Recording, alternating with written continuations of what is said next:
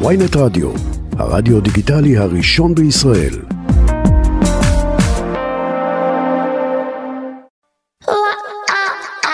עכשיו בוויינט רדיו, אלוהים שלי, עם יצחק טסלר.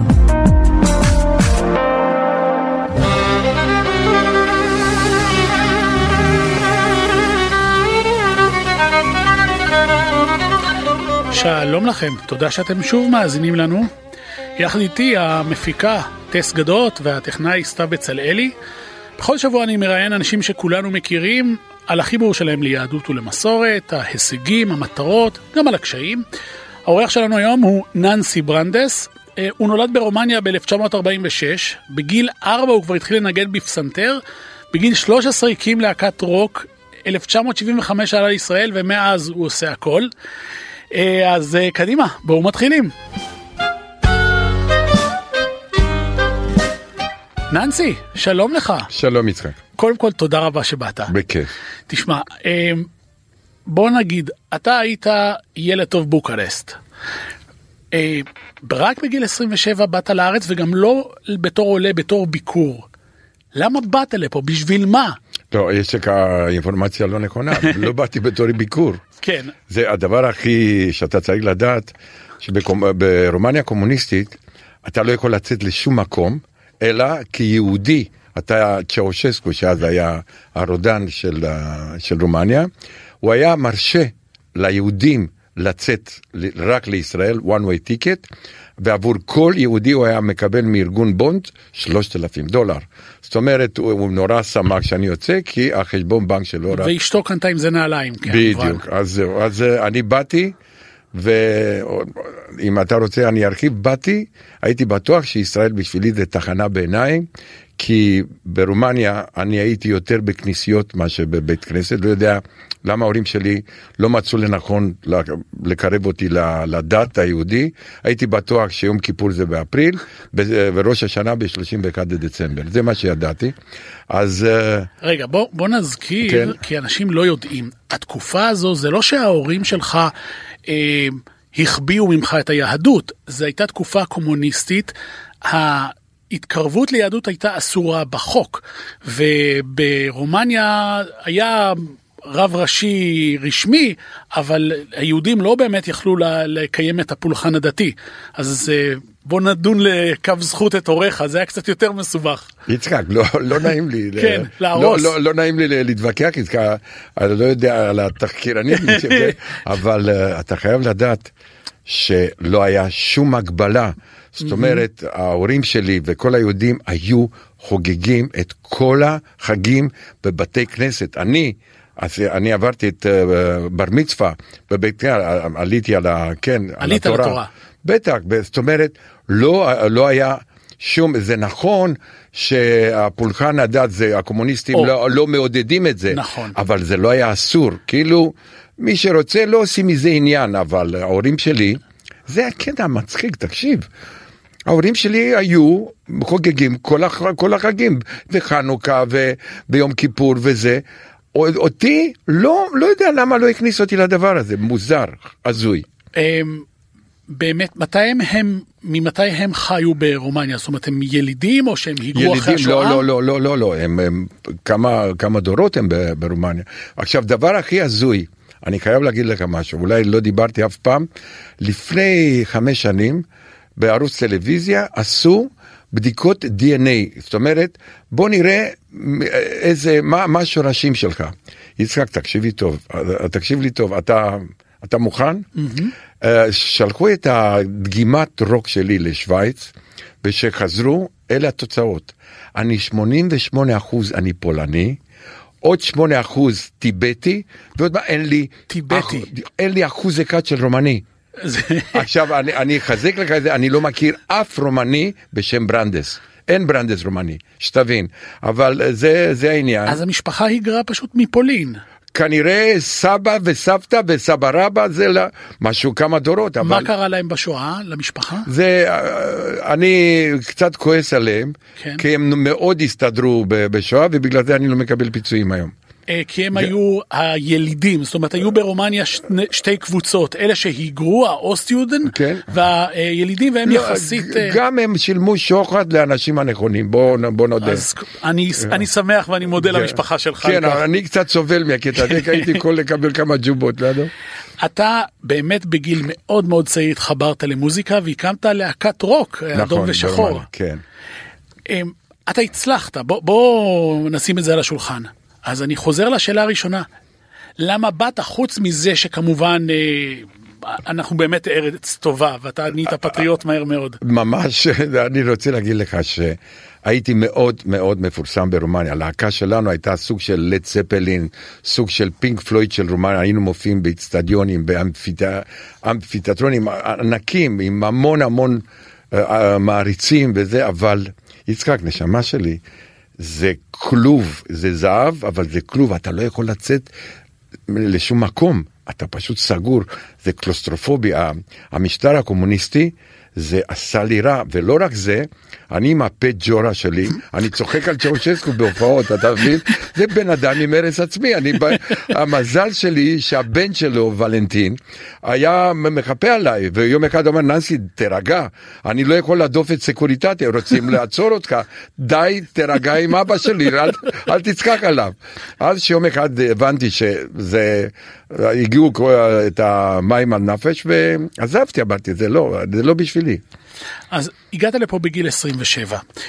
אמ, אני- מי שלא מכיר, מהמאזינים הצעירים יחסית, באותן שנים מי שהיה מקושר היו להקות צבאיות, מהלהקות הצבאיות היית מתקבל אה, ישר למיינסטרים, חיבקו אותך, היו עוד כמה אומנים שזכו אה, לכבוד. ואתה הגעת מבחוץ, אה, הם לא שמעו אדום ושחור, הם לא... אה, נכון. רוק לא היה עד כדי כך חזק. אני בטוח שמה שטוב אצלך זה האומנות, היכולת הווירטואוזית של נגינה, הלחנה, עיבוד, אבל עדיין, איך אפשר לפרוץ? זה חבורה סגורה. תראה, בגלל שאני רואה שאתה מאמין בקדוש ברוך הוא לפי הכיפה, אני הגעתי למסקנה, והזויה כי אני חילוני, אני מאמין שיש השגחה, יש איזשהו תסריט מלמעלה, שיש לך תפקיד בתסריט הזה, כי אני חושב שזה נכון שיש, אני נולדתי עם המון מתנות, אלוהים באמת העניק לי ובאמת הוא פינק אותי עם המון המון מתנות, אבל למרות כל המתנות האלה, אם לא היה לי מזל, אם התסריט לא היה חיובי למעלה, לא הייתי מגיע לזה, כי צריך מזל. תראה, אני אגיד לך, אה, איך שהגעתי לארץ, התיאטרון הרומני, הם ידעו שהגיע כוכב גדול מרומניה, הם חיבקו אותי, והופעתי בשביל הקהל הרומני. שזה, אה, בוא נגיד שהקהל הכי צעיר שהיה מגיע להופעה היה בין 87-88. עכשיו... ילדים. כן, כן, כן, תינוקות כאלה. ופתאום איזשהו בן דוד, תראה מה זה תחנה, תראה מה זה צומת. שאתה אז אתה מחליט את כל החיים שלך. אומר לי, תשמע ננסי, הזמרת אילנית שהייתה סופר סופר כוכבת, מחפשת פסנתרן. עכשיו, יש לי הצעה מתיאטרון היידיש שרצו אותי, שהציעו לי 480 לירות להופעה. זה היה הרבה כסף אז. כן, אז uh, אני מגיע לשלמה צח, שהוא המרגן של uh, אילנית. אילנית, אני עובר את ה... כי באמת ניגנתי טוב מאוד, אני פסנתרן אז, היום פחות, אבל אז הייתי פסנתרן מעולה, והוא מציע לי 180 לירות, ואני הולך עם uh, אילנית. למה? כי הרגשתי, קודם כל, בוא נתחיל מזה, חלום שלי זה היה, אני רוצה להיות צבר. אתה יודע, יש שתי קטגוריות של עולים חדשים, גם רוסים, גם רומנים, אני לוקח את הדוגמאות האלה. יש עולים חדשים שממשיכים uh, לאכול במקולות, לקרוא את העיתונים שלהם, לשים את הטפט עם uh, כבשים באחו בסלון.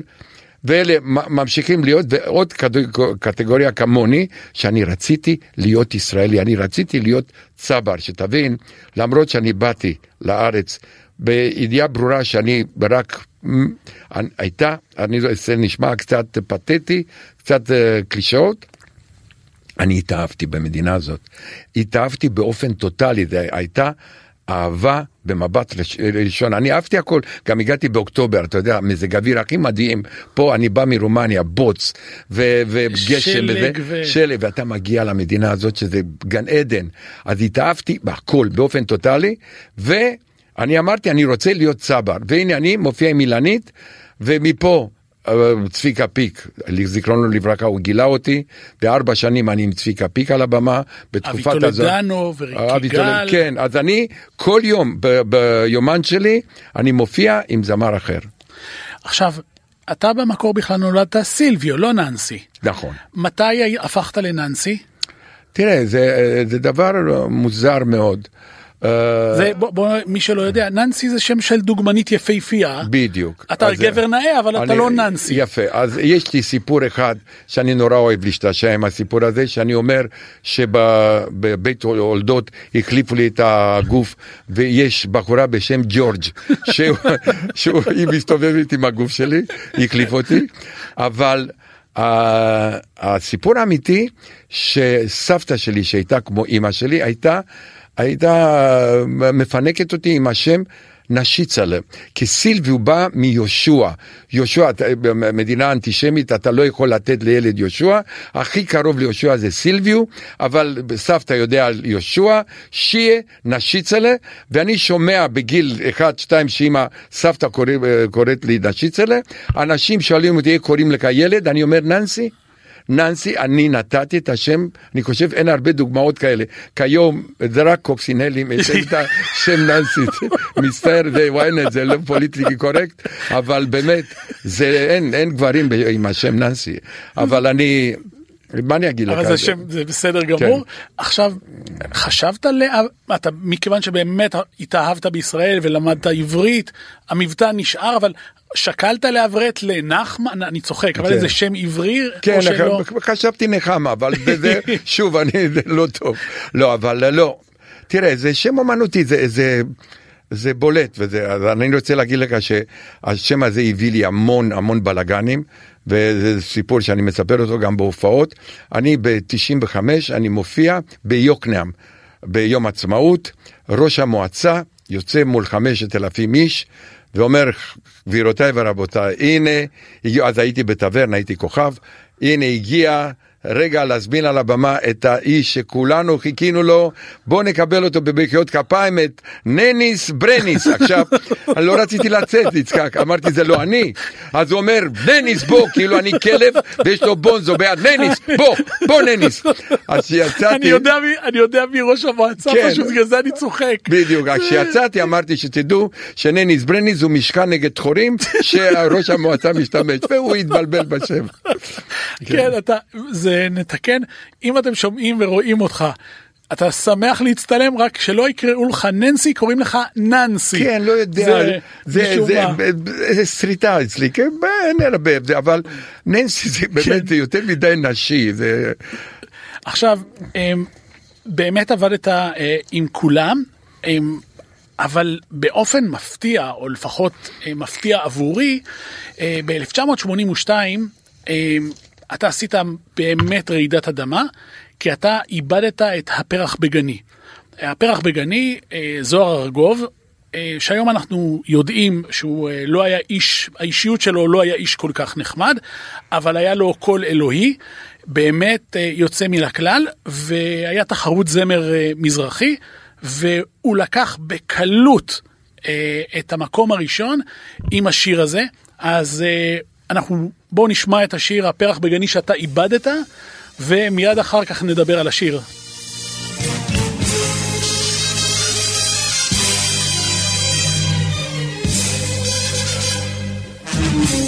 ננסי, 1982, אביהו מדינה כותב, אה, זוהר ארגוב צריך לבצע, אבל אתה נותן עיבוד, שוב, זה שיר מזרחי, אז למרות שהיית מוכר ומפורסם ומוכשר גם בהלחנה וגם בעיבוד וגם בניצוח, קודם כל, איך, למה פנו אליך? זאת אומרת, אה, תראה, אני, אני חייב לחזור טיפה אחורה, ולהגיד לך משהו הזוי. אני ברומניה, לא ידעתי שיש אשכנזים בספרדים, באמת לא ידעתי. ואני חושב, זה, זה לא רק פרק בגני, כי לפני זה עבדתי עם שימי תבורי, שזכיתי ביחד עם שימי, גם על העיבוד הוא כתב שיר משה משה, וגם זכיתי במקום ראשון שנה לפני זה, ואני עבדתי עם חיים משה ועם...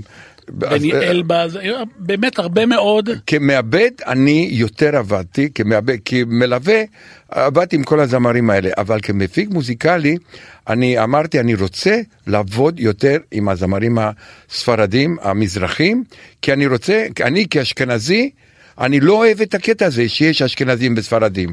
אוקיי, אתם, אני אשכנזי, אז אני, אני אעשה, אני אביא את כל התרבות שלי וכל הכישרון שלי למוזיקה המזרחית, כן?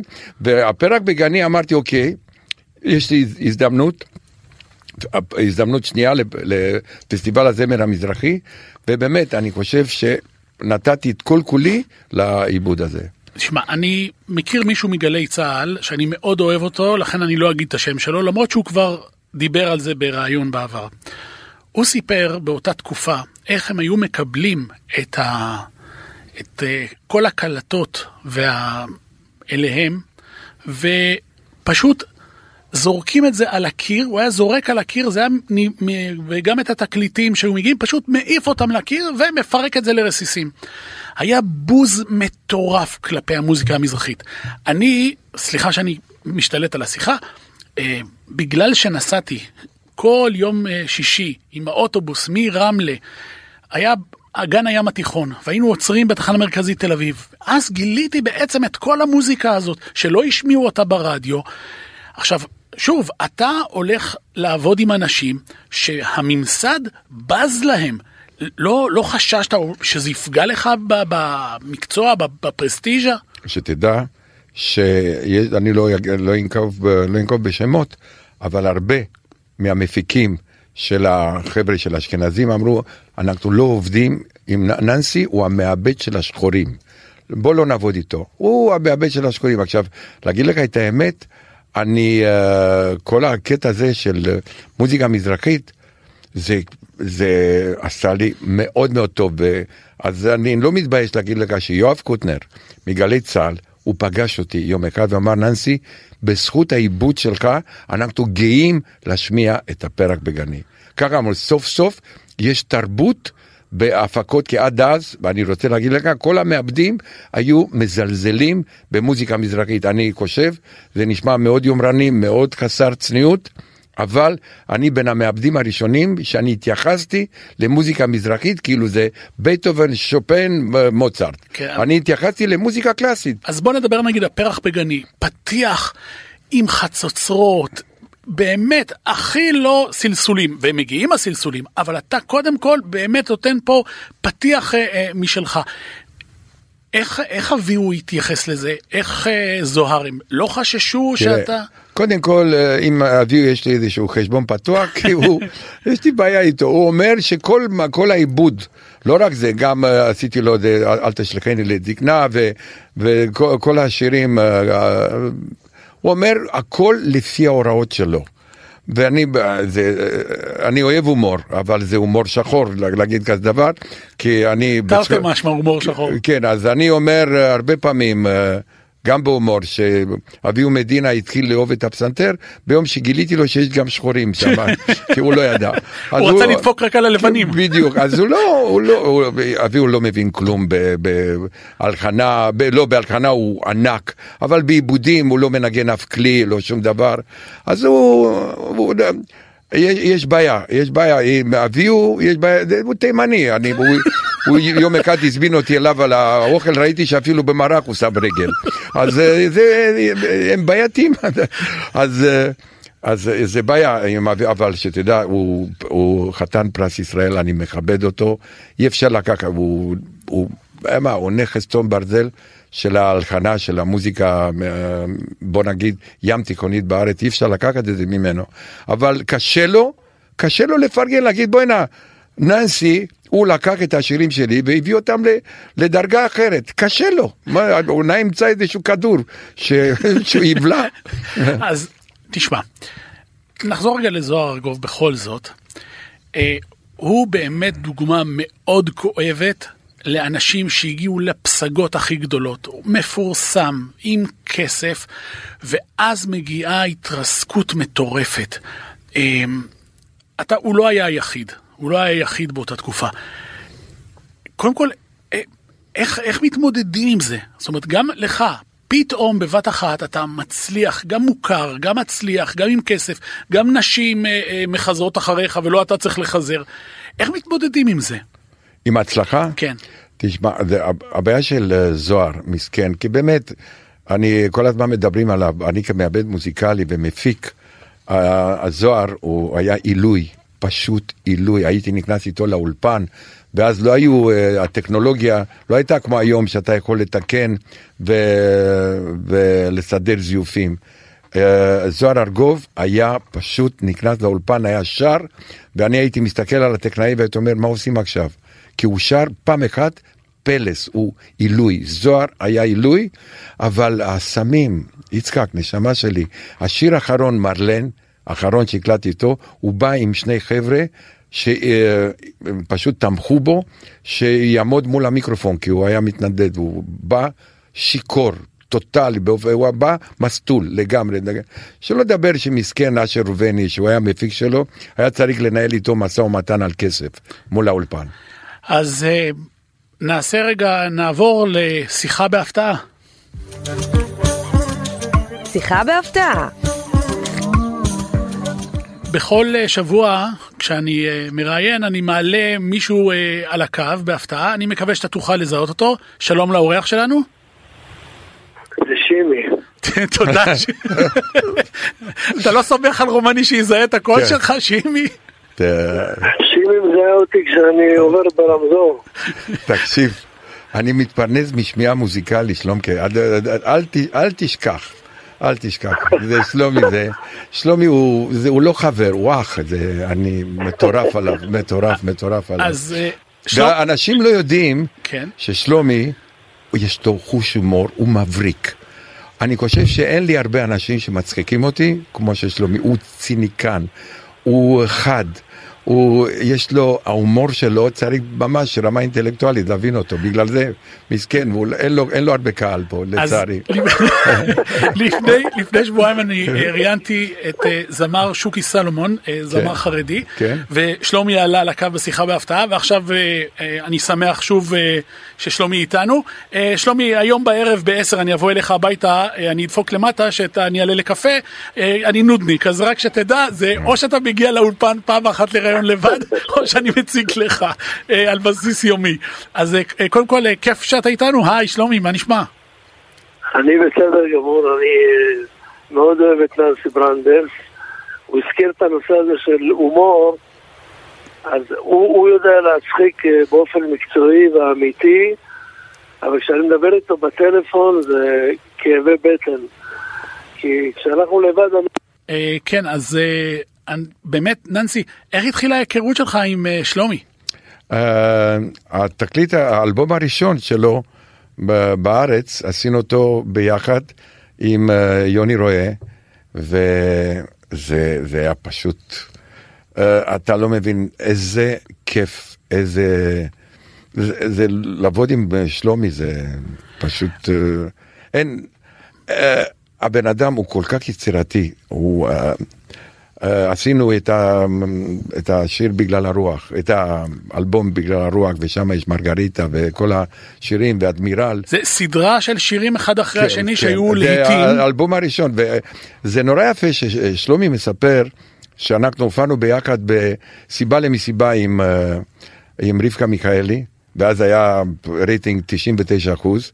למחרת הוא היה כוכב, הוא אומר, תשמע ננסי, למחרת לא יכולתי לצאת לרחוב. אחרי שיר אחד הוא שר אה, מרגריטה, זה כאילו זהו, זה, זה היה פשוט אה, קרש אה, קפיצה מ- מדהים. עכשיו, אתה עבדת באמת עם כל הגדולים, אבל כשמגיע מישהו כזה בפעם הראשונה, עד כמה יש מאבק, כי באמת יש לך ניסיון של 20 איש בתחום, עד כמה אתה צריך לבוא ולדפוק על השולחן ולהגיד, תקשיב לי, אני יודע מה אני עושה. זה, זה לא הולך ככה, יצחק, זה, זה חייב להיות אני מאוד צריך את היצירה של הזמר. זה, שילו, זה שיתוף פעולה מלא, באופן טוטאלי. אתה גם עם נגנים באולפן, אני מזמין גיטריסט, אני, הוא יודע תווים בזה, אבל אני צריך את הנשמה שלו, כמו שאני צריך את הנשמה של הזמר. אין, אה, אין שליטה טוטאלית. ובאמת, אה, שלומי, אתה איתנו? כן, כן, אני עדיין מספר את הסיפור. אה, לא- כן, לא, עדיין. פשוט בזמן שנפלת מהקו, אז דנסי אמר שאתה בן אדם נורא ונודני, לא סתם, אני צוחק. הוא החמיא לך על האלבום הראשון והמופתי שלך, אה, ואמר איזה כיף היה לעבוד איתך, אז בוא תספר באמת מהצד שלך איזה כיף היה לעבוד איתו, או אם סבלת, בוא תחשוף את זה. קודם כל, קודם כל תן לי לסיים את הקטע הזה שסיפרתי לכם לפני שנפלתי משידור. ורק רציתי לסיים בזה שכשאני מדבר עם ננסי באופן אחד על אחד בשיחות אישיות, זה... אני לא יודע איך להסביר את זה, ננסי, אולי תסביר את זה אתה, זה... יש, יש אנחנו בין... לא- כן, שלומקה, אנחנו רק צוחקים, בלי, זה- בלי, יש- בלי לדבר. הוא כל כך, אני רוצה להגיד לכם, שאם היה לי עוד מאה אלף שלומי שבת קהל, הייתי מיליונר. באמת, כי אני, כל, כל מה שאני מספר, כל הומור, כל פאנץ', זה, הוא מבין, הוא כל כך חד, כל כך, אתה יודע, זה, בינינו יש סוג של כימיה, אנחנו כל כך מבינים אחד את השני, אני חושב שאחד מהחלומות שלי, שיהיה לי אח, כמו שלומי. באמת. כפרה עליך, ננסי. תגיד לי. מה אתה עושה.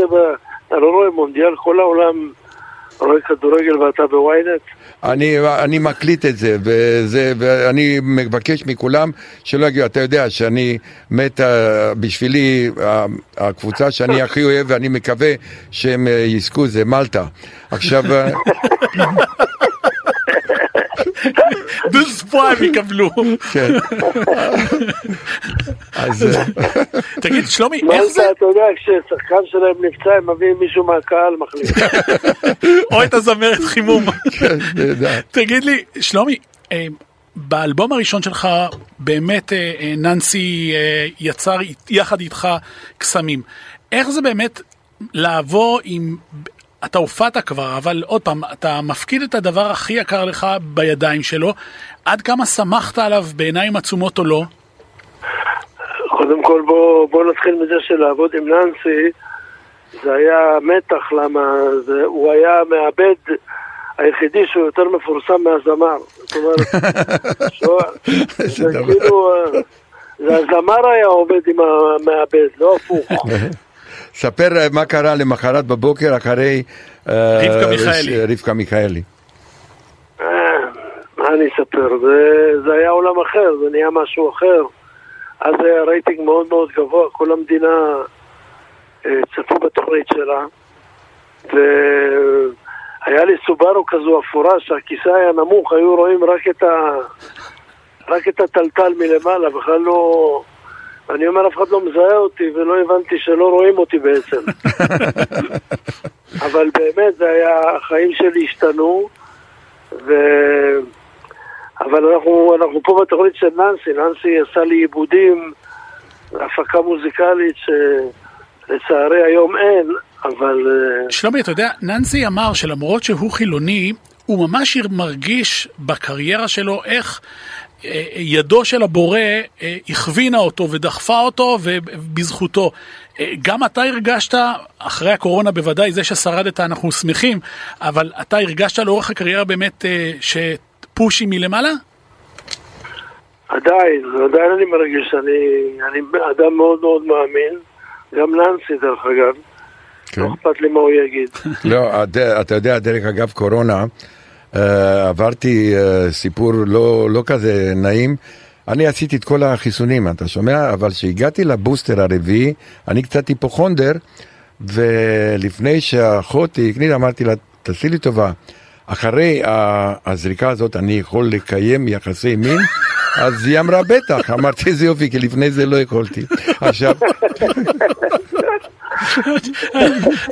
זאת, זה הרעיון שבו הכל נאמר, אין שום הגבלות. זה, אז אה, אה, באמת, שלומקה, אתה לא מבין כמה, כמה, אתה יודע, שנינו עברנו, אתה יודע, אני לפני שש שנים, אני עברתי טראומה בריאותית, ככה לא, גם, לב. גם זה, ואני כל כך כל כך הייתי על ידך ברגעים האלה, וכל כך שמחתי שיצאת יפה מזה, באמת. אז אה, שלומי, עד הפעם הבאה שאני מציק לך, אה, המון המון כן. תודה שהצטרפת אלינו. תודה רבה, כבוד גדול בשבילי וננסי, אני מאוד מאוד אוהב ומעריץ אותך. גם אני שלום, כי אני אוהב אותך קודם כל כבן אדם. תודה, אתה איש תודה יקר, רבה. יקר, יקר. הדדי, הדדי, ביי. תודה, שלומי. להתראות. ביי, ביי, ביי, ביי. להתראות. אנחנו לפני השיחה עם אה, שלומי באמת דיברנו על ההתרסקות, והוא לא היה היחיד. אה, זוהר לא היה היחיד. איזה טיפים אתה יכול לתת לחבר'ה צעירים שחושבים שהכסף ימשיך לרוץ אם ברגע שהם מצליחים, והם לא מבינים שהם חייבים לשמור על עצמם, בוודאי היום בעידן של רשתות חברתיות וכל דבר משמיצים אותך ומגלים, איך אפשר להסביר להם? תראה, יש זמר חדש שקוראים לו אבי אברומי, אתה, אתה שמעת עליו? אבי אברומי או אברמי, אני חושב, אברמי. פגשתי אותו בתוכנית טלוויזיה, והוא, גם הוא שאל אותי אותה שאלה, ואני נורא שמחתי שהוא הבין אותי, כי לפי דעתי, הצלחה זה בומרנג, זה דבר מאוד מאוד, לפעמים הצלחה היא יותר מסוכנת מאשר כישלון. כי אה, יש הרבה דוגמאות של זמרים שהגיעו, אתה יודע, לשמיים והתרסקו בגלל שהם לא ידעו איך לאכול את ההצלחה. וכמה שאפשר, זה גם נורא תלוי באופי של הבן אדם. אם אפשר להשתלט על זה, להיות עם הרגליים על הקרקע, להבין שהכל בחיים, הכל זמני. חייבים לדעת, אין, אין, קב- אין שום דבר קבוע. חייבים לשמור בשתי ידיים, בשתי רגליים, על ההווה, ולשמור עליו ולא לעוף ולא להשתגע בזה, ויש הרבה זמרים שלא מבינים את זה והם נעלמים. לפי דעתי, כל הזמן לדעת שלשמור, אתה יודע, על ה... כמו שאומרים, להיות מאוד שקולים בדברים האלה. תשמע, אנחנו, התוכנית נקראת אלו, אלוקים שלי, והרבה דתיים יש תופעה שהילד אה, חוזר בשאלה, וזה לא קל. אני אה, מכיר את זה, זה לא קל ולא פשוט. אתה עברת תופעה הפוכה, אה, בתך חזרה בתשובה, ולא סתם בתשובה, אה, ליאור, ממש חרדית.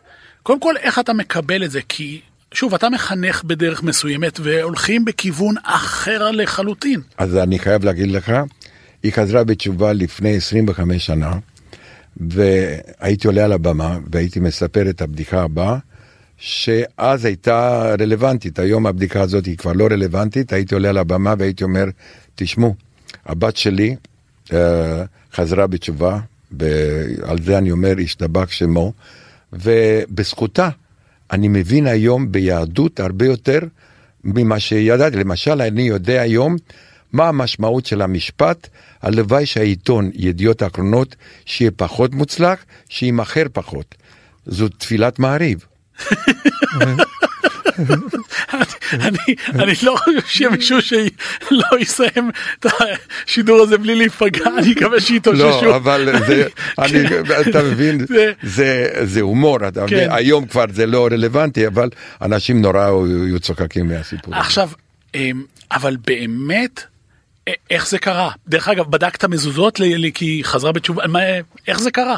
זה לא יודע, האמת היא התחילה לשמוע כל מיני הרצאות, היה הרב יצחק, לא יודע, מישהו כזה שפתאום התחילה לשמוע את ההרצאות ברדיו, והיא נמשכה והיא הייתה מוקסמת מה- מההרצאות האלה, ולבד, לבד, לאט לאט היא, יום אחד היא הודיעה לי שהיא נוסעת לפנימייה, לרמות וזה, זה.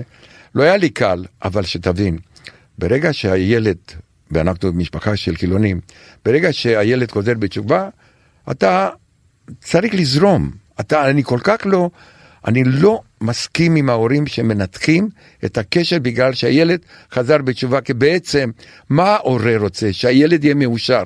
הבת שלי היא מאושרת, יצחק. וכשאני רואה את הבת שלי מאושרת, מה אכפת לי שהיא לא בקו שלי?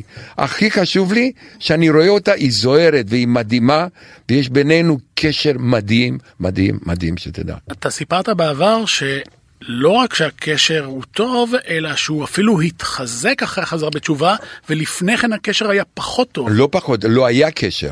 היא טיפה התביישה בך. זה נשמע כאילו אני מיסיונר, כאילו אני מחזיר בתשובה, אבל אני, בזכות הדת, אני הרווחתי אה, בת. בזכות, בזכות החזרה בתשובה שלה, אני הרווחתי בת, כי לפני זה היא הייתה עם נזם, קרבול הייתה מורדת, לא הייתה בקר, לא רצתה שום קשר עם אבא שלה, כן? מיד אחרי זה פתאום כבד את ימי... כבד את אביך. אביך, וזהו, כל זה אני הרגשתי, אני קיבלתי, ויש לי היום, יש לי בת נסיכה, לא בת, נסיכה יש לי. לא רק שהיא נסיכה, היא גם ילדה ילדים, ואתה אה, הפכת לסבא רבא. סבא רבא, כן. כן, אז קודם כל מזל טוב. תודה, תודה. זה השנה, זה... ממש השנה קרה. זה סבא, היית מאמין שבגילי אני מסוגל לעשות uh, נינה? אז, ו... אז, אז, אז קודם כל מזל טוב תודה. כמובן. אה, מה שמה? שירה. או, שם, אני בטח אוהב את השם, אני נשוי, לרעייתי יש את השם הזה. אוקיי. עכשיו, אמ, איך, איך באמת, כמו שלחילונים לפעמים יש בעיה, גם לילדים שחוזרים בתשובה יש לפעמים בעיה שאולי הנכדים והילדים יראו אצל סבא משהו בטלפון או בטלוויזיה, אה, או שהאוכל לא יהיה, אה, איך אתם תראה, עושים את כל, זה? תראה, קודם כל, אני, אתה יודע, המוצא שלי רומני. כן. והפלוס היחידי מחזרה בתשובה של הבת שלי, שהיא באה אליי הביתה ולא אוכלת ולא שותה כלום.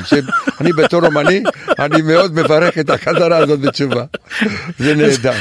זה, אז אה, זה טוב, אבל אה, תשמע... אה, עכשיו הברסלבים, אני חושב שהם קצת יותר מטרנים מאשר וישניץ או אני לא יודע, כי אני מגיע אליה אפילו בשבת, מגיע אליה הביתה והיא גרה ביבנאל באזור, וכולם מקבלים, יודעים, אבא של ליאור הוא כזה, העיקר שהוא בא והוא מבקר את הבת והנכדים. עכשיו, זה נכון שאני נכנס לבית שלה, אין טלפון, ואני מאוד מכבד את השבת אצלה, אבל... לא חובש כיפה ו... כן, כן. לא, לא לובש כיפה. אה, לא? ממש לא. היא לא, היא מאוד מאוד מאוד חופשייה. בחיים היא לא אמרה, אבא תשמור שבת, בחיים היא יודעת בדיוק, אבל...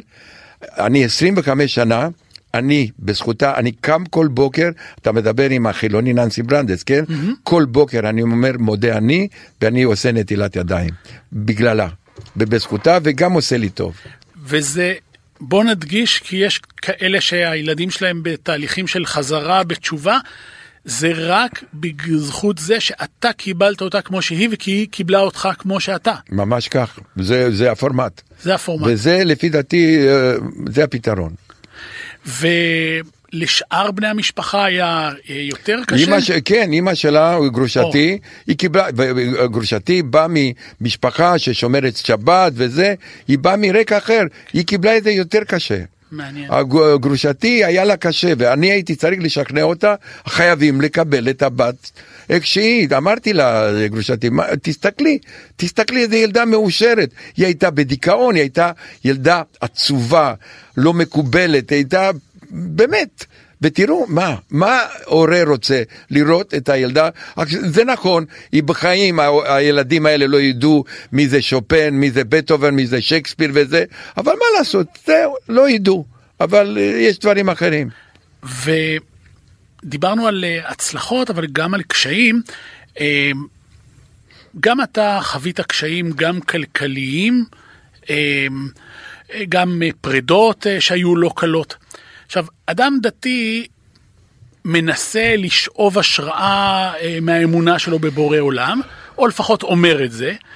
ממה אתה שאבת השראה בקטעים של הנפילות? והיו לך נפילות והצלחת לקום על הרגליים באמת כמו אריה. תראה, אני באמת, אני שוב, אני בונה, אני פונה ל... ל... ל... לאיך שאני בנוי, לבנייה שלי, רוחנית. יצחק, אתה מדבר עם בן אדם מאוד חיובי. אני בן אדם שנאחז בחלקים החיובים של אני לא נוגע אף פעם בדפרסיה, בדיכאון. אני בן אדם שכל היום, כל החיים שלי, אני מחפש את, ה, את השטחים החיובים. זה נותן כוח. זה גם הייתי במשבר בריאותי, אולי המאזינים שלי שידעו, אתם לא מבינים שברגע שאתם חושבים ואתם נאחזים בדברים החיובים של החיים, אתם עוזרים לגוף להילחם נגד כל חיידק ונגד כל מצב, גם כלכלי, גם בריאותי. זה אני. אז זה בדיוק הזמן לעבור לשיר לא תנצחו אותי. זה ממש כך. ואנחנו אה, מיד אחרי השיר נחזור ונדבר גם עליו וגם על אה, עוד דברים עליך. בכיף.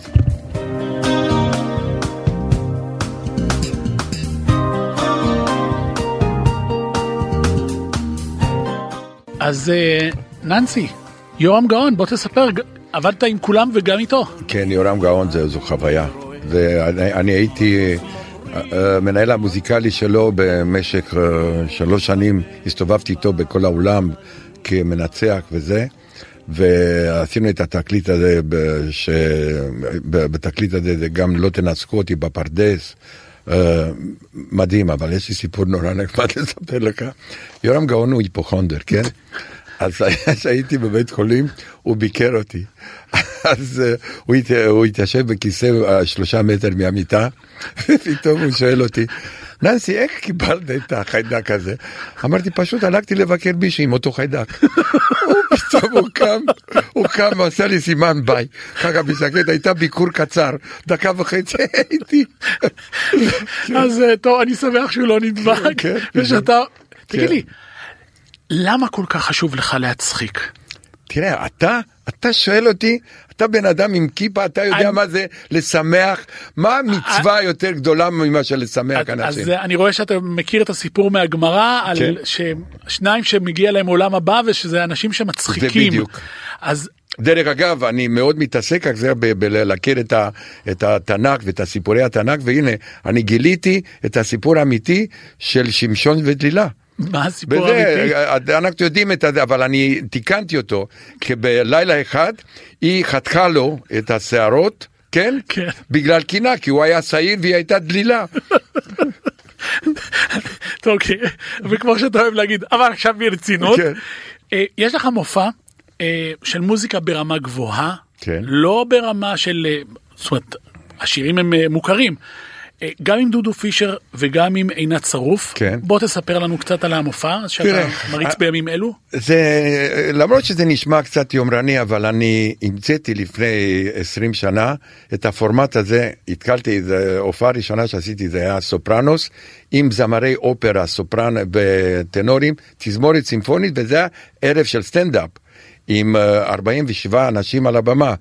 אדיר מילר יוצא עם בקבוק מים מינרליים, אני, אני יוצא עם 47, תבין שמבחינה כלכלית הרומנית דפוק, זה, אני לא יודע לעשות את החישוב. אז uh, אני uh, אז התחלתי, ואני חושב שהקו שלי זה שילוב.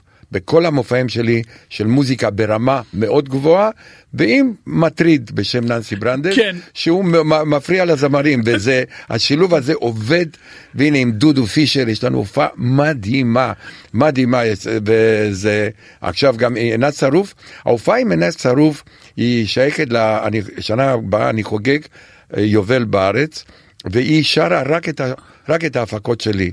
וגם השילוב הוא מדהים. אה, אני, אני ועינת, אנחנו מופיעים כבר ארבע שנים בתוכנית הבוקר של אה, גלית גוטמן ויואב לימור, ושם התקברנו. וזה, הנה, הבאנו את זה לבמה. דודו פישר התארח פה לפני מספר שבועות, הוא אמר שזה פשוט משימה בלתי אפשרית, כי אתה קורע אותו מצחוק על הבמה בכוונה, והוא פשוט ו- נמרח. הוא, אף הופעה לא דומה לשנייה. כל הופעה אני מפתיע אותו. אין, אין הופעה, זה מסכן, הוא בוכה, הוא מתיישב, והוא לא יכול להמשיך ל- להופיע.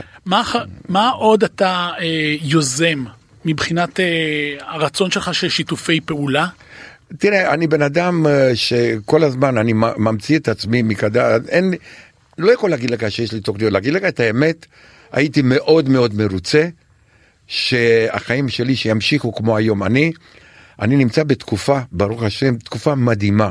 אני כל כך קם בבוקר, יצחק, אתה לא תשמע הרבה אנשים, אני כל כך נהנה מהחיים האלה. אתה לא מבין כמה כיף לי. אני נהנה כי אני מקבל ברחוב, אני בן אדם עם צורך להיות אהוב, אין מה לעשות, אני מקבל... ב- ב- בוא, בוא, אני, בכניסה ל-ynet, זה, אתה באמת אהוב, זה לא רק הרצון כן. שלך, אתה רואה שכולם באו להצטלם איתך ול... כן, אנשים, אני מקבל ים, ים של אהבה, ואני, אני אוהב יותר אהבה מאשר כסף, תאמין לי, זה לא, מבחינה, אני לא, לא מיליונר, אבל אני מרוצה מהעבודה שלי, אני מרוצה שאני בריא. דרך אגב, אני, אני, אני המצאתי זה, שאני מעצבן אותי שכל אחד אומר לי, ננסי, בחיים הכי חשוב זה בריאות, בריאות, בריאות ופרנסה. אני לא חושב ככה, כי באוניית טיטניק כולם היו בריאים ומאוד עשירים. זה לא, זה, זה לא, לא תמיד עוזר. זה, זה לא עוזר רק את זה, אבל בקטע הזה, אני רוצה להגיד לך, אין לי מי יודע מה שאיפות בחיים. אם אני ממשיך ככה, אני מוכן לחתום עם אלוהים עכשיו פריז, כשזה שקקה שיסתיים. אמ, אנחנו אה, לפני סיום, יש לנו באופן אה, קבוע אה, שאלון קצר שאנחנו עושים, אז צריכים לענות עליו ממש בקצרה. אז ככה, דבר ראשון, אחרי 120, מה תגיד לבורא העולם כשתפגוש אותו? אם אני פוגש את באמת, אני אגיד לו, תודה על כל יום שנתת לי, באמת. אני חושב שקיבלתי מבורא עולם את המתנות הכי מדהימות שיכול להיות. באמת, להגיד לו תודה, אני מאוד נהניתי מהחיים האלה, אמיתי. אה, אני בטוח שתנסה לדחוף לו בדיחה. איזה בדיחה אתה תספר לו? אה, לאלוהים, איזה בדיחה. אני אה, אספר מה שגם זה קשור לבת שלי. שהיא התקטנה גם עם בחור שחוזר בתשובה, הם נפגשו בבקו"ם, בתל השומר, היא באה להתגייס, הוא בא להשתמט, באמת היה מפגש מאוד מאוד, והוא אמר לי שהוא קבלן, אבל שאלתי אותו מה אתה בונה, הוא אומר אני בונה עליך.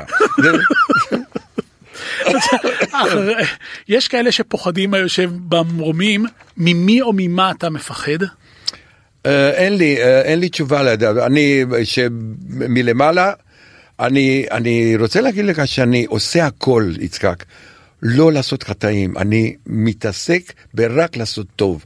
אני נשבע לך, אני אספר לך משהו, אני לפני שבוע, אני ראיתי ששני אנשים ירדו ממכוניות וכמעט הלכו מכות, אני עצרתי ואני נעמדתי ביניהם, הייתי יכול לקבל מכות.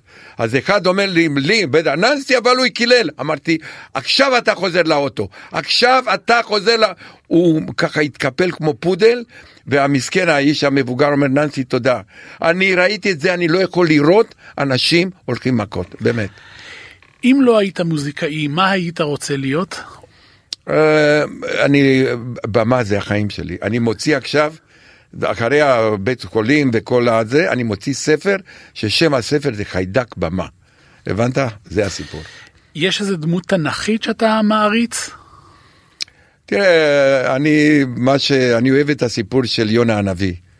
אני אספר לך שיונה הנביא יום אחד בא לפילגה שלו ואמר לה, שתדעי שאשתי קנתה את הסיפור של הדג. אני חושב, אתה צריך לחפש מחר משרה חדשה, לא מאמין שייתנו לך להמשיך לעבוד בוויינט. אני לא חושב שיש מישהו שלא נעלם, אני מתנצל. כן. אה, אז אה, שאלה אחרונה, מחלקת שימור לקוחות בוויינט ביקשו ממני לשאול אותך, בהשוואה בין התוכנית הזאת לחקירה של הסיקוריטטה, איפה סבלת יותר ולמה? אני לא סבלתי, אני נהניתי איתך כל רגע איתך. אוקיי, אז זה הזמן uh, להגיד uh, תודה רבה, תודה רבה לך ננסי שהתארחת, תודה לכם מאזינים ומאזינות יקרים, תודה למפיקה טס גדות, תודה לטכנאי סתיו בצלאלי, אני יצחק טסלר, אז... Uh, רק בריאות ולהתראות בתוכנית הבאה.